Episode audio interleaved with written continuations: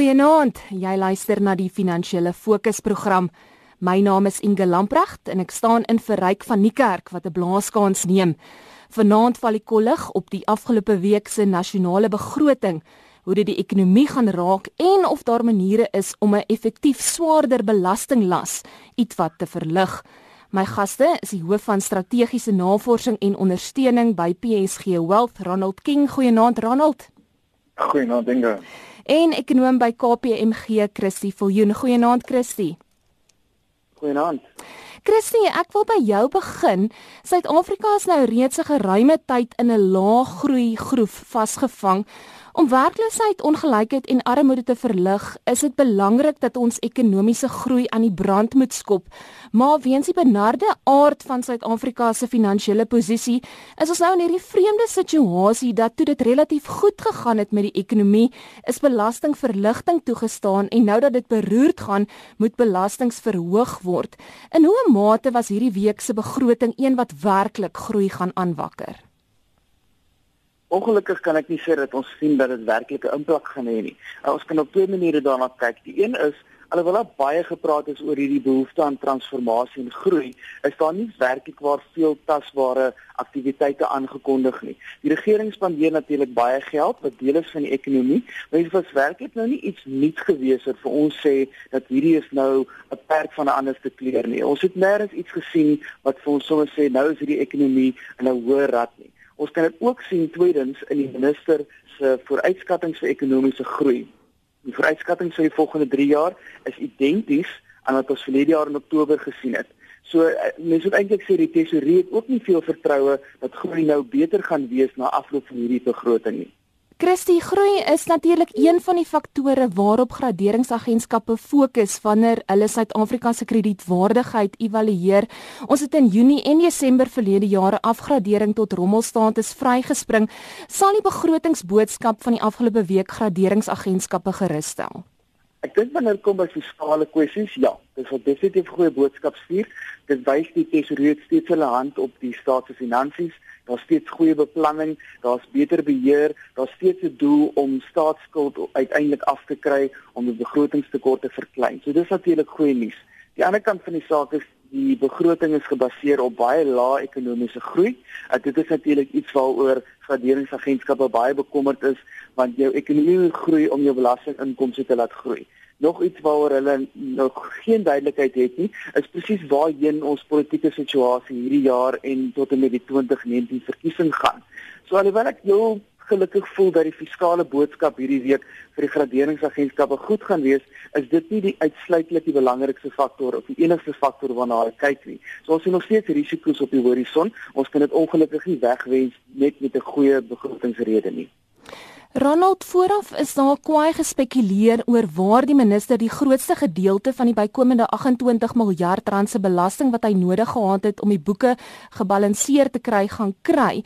Nou die lewe deel van die bedrag gaan uit die persoonlike inkomstebelastingstelsel kom deur nie verligting toe te staan vir inflasionêre salarisverhogings nie en dan ook die nuwe superbelastingskaal van 45% vir diegene wat meer as 1.5 miljoen rand per jaar verdien. Nou daar is net so wat 103 3000 van hierdie mense in die land. Suid-Afrika 'n uiters ongelyke land wat inkomste betref. Tog het die superbelastingskaal heelwat kritiek ontlok. Is dit 'n oorreaksie? En jy weet as as, as ons van kyk, so jy gesê 103 mense wat nou eintlik direk geraak word deur die 45%, maar die kerf bo 1 miljoen is 'n addisionele 150 000. So ons praat van so 255 000 mense in Suid-Afrika wat geregistreer is vir belasting wat meer as 'n miljoen rand betaal. En jy het verwys na daai bracket creep ehm um, die wat hulle nou nie die inflasie ons belasting aangepas het nie. Van daai 12 miljard rand gaan 40% uit hierdie groep uitkom.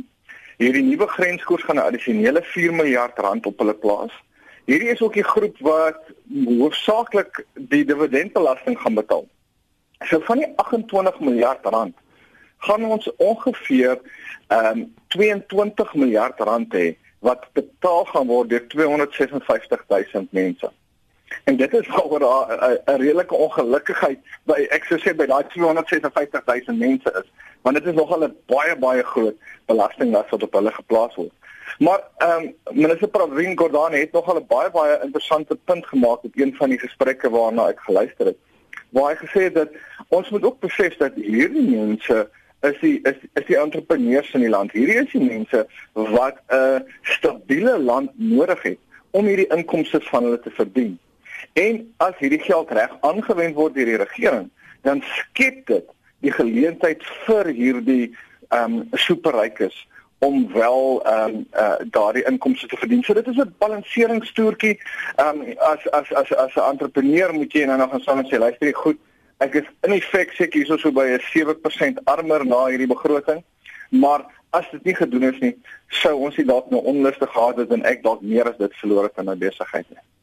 Ronald, um, jy verwys nou na die dividendweerhoudingsbelasting. Nou dit is een van die belastingverhogings wat baie mense ontkant gevang het dat dit van 15% na 20% verhoog word, maar dit hang eintlik baie nou saam met daai inwerkingstelling van die nuwe superbelastingskaal van 45% om basies 'n skuiwergat toe te maak waar byvoorbeeld entrepreneurs 'n keuse het tussen 'n salaris of dividende. Kan jy in 'n eenvoudige taal verduidelik hoe dit werk?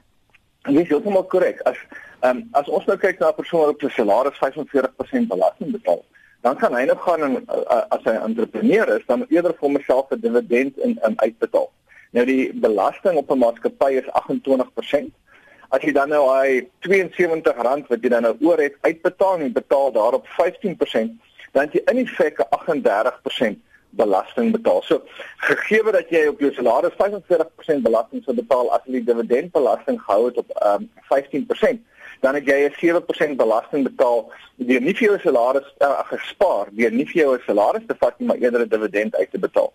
Deur nou die ehm um, dividendbelasting met 5% te verhoog, gaan jy nou effektiewelik 42,5% betaal wanneer jy vir jouself 'n dividend uitbetaal. So so 2,5% wat jy dan nog steeds spaar as jy eerder vir jouself 'n dividend uitbetaal as 'n salaris. Dit is wat hulle probeer beperk tot die minimum. Ronald, die dividendweerhoudingsbelasting gaan sekere beleggers meer beïnvloed as ander, afhangend as ek reg verstaan van die soort beleggingsvoertuig wat jy gebruik. Hoe word mense se pensioenfondsgeld en diskresionêre beleggings hierdeur geraak? Dit is nogal 'n baie baie belangrike punt. Aftreegeld, so dit is jou voorsorgfonds, jou pensioenfonds en jou uitreaniteite. Hulle betaal nie dividendbelasting nie. So dit beteken dat jou opbrengste op daardie um, maatskappye amper uh, of in daardie fondse amper 1% per jaar meer is as ons werk op so 3-4% dividend um, groei per jaar dan is dit so soos ek sê 1% besparing wat jy het. Nou 1% addisionele groei binne daardie fondse maak nogal 'n groot verskil teenoor jou diskresionêre beleggings.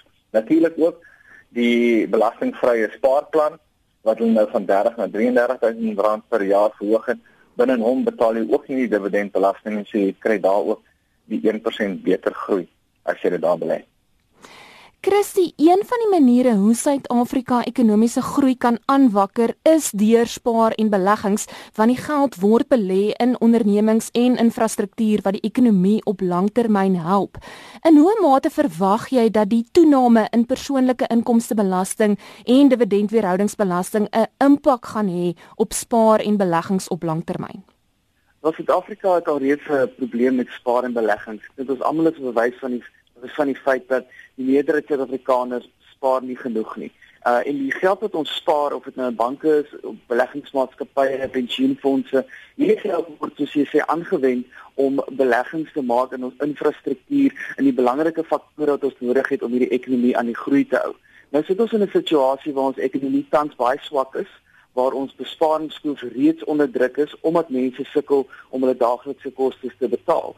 So nou kom hierdie uitdaging nou by.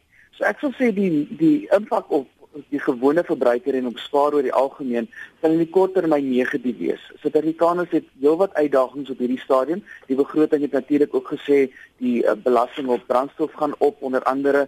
Uh, daar sou 'n hele klomp faktore wat nou weeskielik in April maand by die nuwe finansiële jaar gaan bykom wat dit lewe so klein bietjie moeiliker gemaak vir Suid-Afrikaners. So opgelukkig die korttermyn impak gaan wees ons elkeen gaan 'n bietjie minder geld hê om te spandeer en as jy moet prioritiseer is dit ongelukkig geval dat jy moet hierdie week jou geld spandeer, jy nodige kostes se dek en eers daarna kan jy dink aan spaar. So dis ongelukkig nie 'n korttermyn impak. Uh dit is iets waar mense nie van kan wegkom nie. Ek seker dit is nie die tesourier se bedoeling om ons te keer om te spaar nie. Inteendeel, dit is 'n groot behoefte aan hulle om Suid-Afrikaners te aan te moedig om meer te spaar. Maar in die volgende paar maande dink ek gaan dit definitief nie 'n 'n 'n positiewe impak hê nie. Christy, as ons vir 'n oomblik aanbeweeg na werkskepping, die vakverbond Kusatu het in reaksie op die begroting gesê die regering se beleid is nie eenvormig nie. Nou Kusatu sê 'n mens kan nie aan die een kant praat oor beter landbou en werkgeleenthede en dan 'n suikerbelasting instel wat die ekonomie na raming so wat 5000 werkgeleenthede gaan kos nie. Is daar eensstemmigheid oor wat die regering se beleid rondom werkskepping behels? Ek dink ongelukkig soos met baie van ons beleidsrigtinge is daar nie een uh, geen rigting van beleid, een besluit, een dokument wat bepaal watter kant ons gaan nie. Uh Kusatu is natuurlik een van die partye wat redelik gekant is teen die suikerbelasting en daar is baie ander partye daar buite wat dieselfde voel weens die impak wat dit gaan hê op werkskepping. Uh die argument is dat daar gaan baie werk verloor word en die impak gaan eintlik baie klein wees. So die argument is nou so wat is die regering se idee rondom werkskepping in landbou? Daar was 'n uh, hoër minimumloon onlangs ingestel. Die ontwikkeling van landelike gedeeltes, uh, landelike areas is 'n is 'n groot faktor vir die regering. So daar's duidelik aan daai kant 'n behoefte om die landelike gedeeltes natuurlik werkskepping op plase op te bou. Die teenoorgestelde is wat Kusate nou aangedui het, Hulle glo dat daar omtrent 5000 werksgeleenthede verlore kan gaan. Dit kan aansien meer op wees. Dit hang natuurlik af van wie se navorsing en so jy kyk. Maar ek stem saam, daar is nie net in die geval van suiker nie, maar in 'n hele klomp ander industrieë is daar werklik onsekerheid oor wat die regering se plan is. Nou daar word gereeld deur 'n uh, leier van die regerende party gesê, maar daar is nie onsekerheid nie. Ons ons is baie deursigtig oor wat ons wil hê. Maar dit word nie speel in die vlakke van sentiment onder groot besighede wat moet besluite maak oor beleggings en infrastruktuur en mense nie. Daar's te veel onsekerheid. Hierdie situasie met die suiker is net nog een wat bykom. Daar's heel wat ander industrieë waar daar lankdurig al probleme is oor onsekerheid. Hier is net nog 'n addisionele een wat die ekonomie 'n verdere knou gee. Ronald vir baie Suid-Afrikaners lê daar heel waarskynlik 'n baie moeilike tyd voor. Inflasie bly hardnekkig hoog, salarisverhogings is min en daar wag 'n groter belastinglas vanaf Maart. Wat is vir die man in die straat die doeltreffendste manier om sy belastinglas te verminder? Dit is baie belangrik om te besef jy betaal belasting op ehm uh, wat jy oor het. Nou, die groot fout wat baie dan nou maak is dat hulle probeer soveel as moontlik uitgawes skep om hulle belasting af te bring. Nou dit help natuurlik nou nie. Ek sal eerder uh 45 sent belasting betaal en nog steeds 55 sent in my sak hê as wat ek 'n rand uitgee en dit glad nie meer het nie. So wat mense wil graag wil probeer beoog is 'n manier wat jy 'n uitgawe kan skep wat jy vir belasting kan aftrek sonder dat jy die geld werklik verloor. En daar is so 'n geleentheid en dit is die uitreaniteit. Jy kan op hierdie stadium 27.5% van jou salaris aftrek um, vir belastingdoeleindes en bydra tot 'n uitreaniteit. Nou daai uitreaniteit is dan vir jou beskikbaar na ouderdom 55. Nou teen 'n 45% grensgroep beteken dit dat die regering amper vir jou die helfte van die geld teruggee wat jy insit binne hierdie uitreaniteit. Ehm um, jou opbrengste daarop is natuurlik dan nou ongelooflik ons het ook reeds genoem dat jy ook nie belasting op jou groei gaan betaal binne daardie uitreuniteit nie. So vir jou man op straat, ehm um, onthou ook ons gaan nou um, tot 94 lewe in hierdie land, 94 plus. Daar selfs 'n 10% kans dat jy vir jou gade 106 gaan raak. So die uitreuniteit beskerm jou ook teen die toekoms in die sin van dat jy dan weet jy gaan nie van jou kinders afhanklik wees nie. So ek dink dit is die grootste belangrikste ding wat jy moet doen. Kapitaalwinstbelasting is nog 'n bietjie ehm um, laer um, of aansienlik laer daarom nog as wat jou rentes is. En um, dit is op hierdie stadium 'n moeilike ekonomiese soms 'n uh, klimaat waarbinne ons is, maar onthou dat ons geld vir die langtermyn gespaar sou word. So die man op straat moenie nou sy geld in 'n 5 jaar vaste deposito gaan sit nie. Die rente gaan uit alles op vir die belasting op daai rente. Ehm um, so sit dit in beleggings waar jy 'n bietjie minder belasting gaan betaal. Chrissy, ek wil vir 'n oomblik beweeg na die bestedingskant van die begroting. Daar's geweldige kritiek en ook 'n keelvolheid by belastingbetalers te bespeer oor vermorsing en korrupsie. Nou tesorie die laaste klomp jare heelwat stappe gedoen om vermorsing aan te spreek. Tog sien 'n mens steeds byna weekliks berigte van 'n minister wat 'n peperduur motor gekoop het of korrupte praktyke. Het die regering die bestedingskant van die begroting onder beheer? Ek dink die beplanning van die begroting, die uiteensettings wat ons altyd rondom die begrotingsredes sien, daar's baie baie dik dokumente met soveel syfers in dat in daai opsig het ek nie 'n probleem met hoe transparant dit is nie. En die beplanning en die opstel daarvan, enigiemand kan gaan kyk, dis beskikbaar. Uh, ek voel daarso is daar's baie goeie breinkrag daar agter. Die probleem kom by die implementering daarvan. Soos jy sê, ons sien gereeld berigte uh, in die media van wanspandering. Ons sien die ouditeur-generaal wat sê hoeveel biljoene rande uh, per jaar verkeerdelik gespandeer word of waar daar nie 'n manier is om te vertel wat daarmee gebeur het nie. So die implementering daarvan is die uitdaging.